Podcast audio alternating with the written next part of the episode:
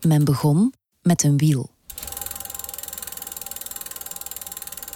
Later een stuur. En in 1862 was er een Fransman die er twee pedalen aan monteerde.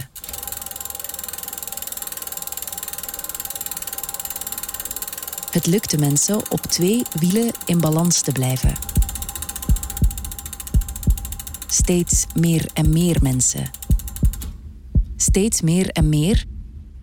En steeds sneller en sneller.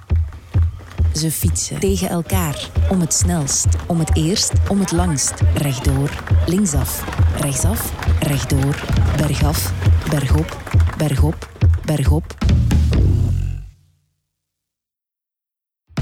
In 1969 zetten de Amerikanen een man op de maan. Maar de ronde van Frankrijk was van Eddy Merckx. Gewone jongens uit Europa zijn helden op de fiets.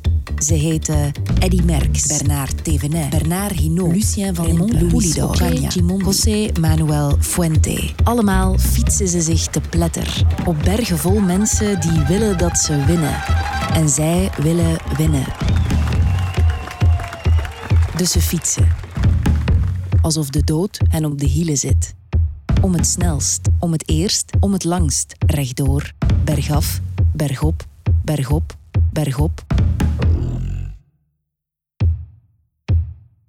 Hun namen zijn onsterfelijk geworden, terwijl de jongens zelf dat niet zijn. Dit is het verhaal van één van die jongens, die ergens ver hier vandaan, in een klein Spaans dorp onder de Asturiaanse zon, eigenlijk in zijn graf hoorde te liggen. Tot de dag dat hij plots weer verschijnt.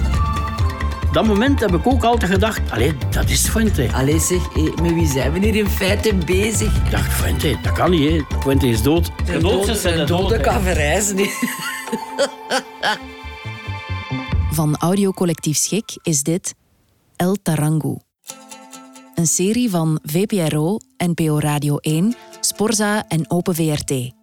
Vanaf 8 juli te beluisteren in je favoriete podcast-app. Via www.vpro.nl-el Tarangu of op de website van Sporza.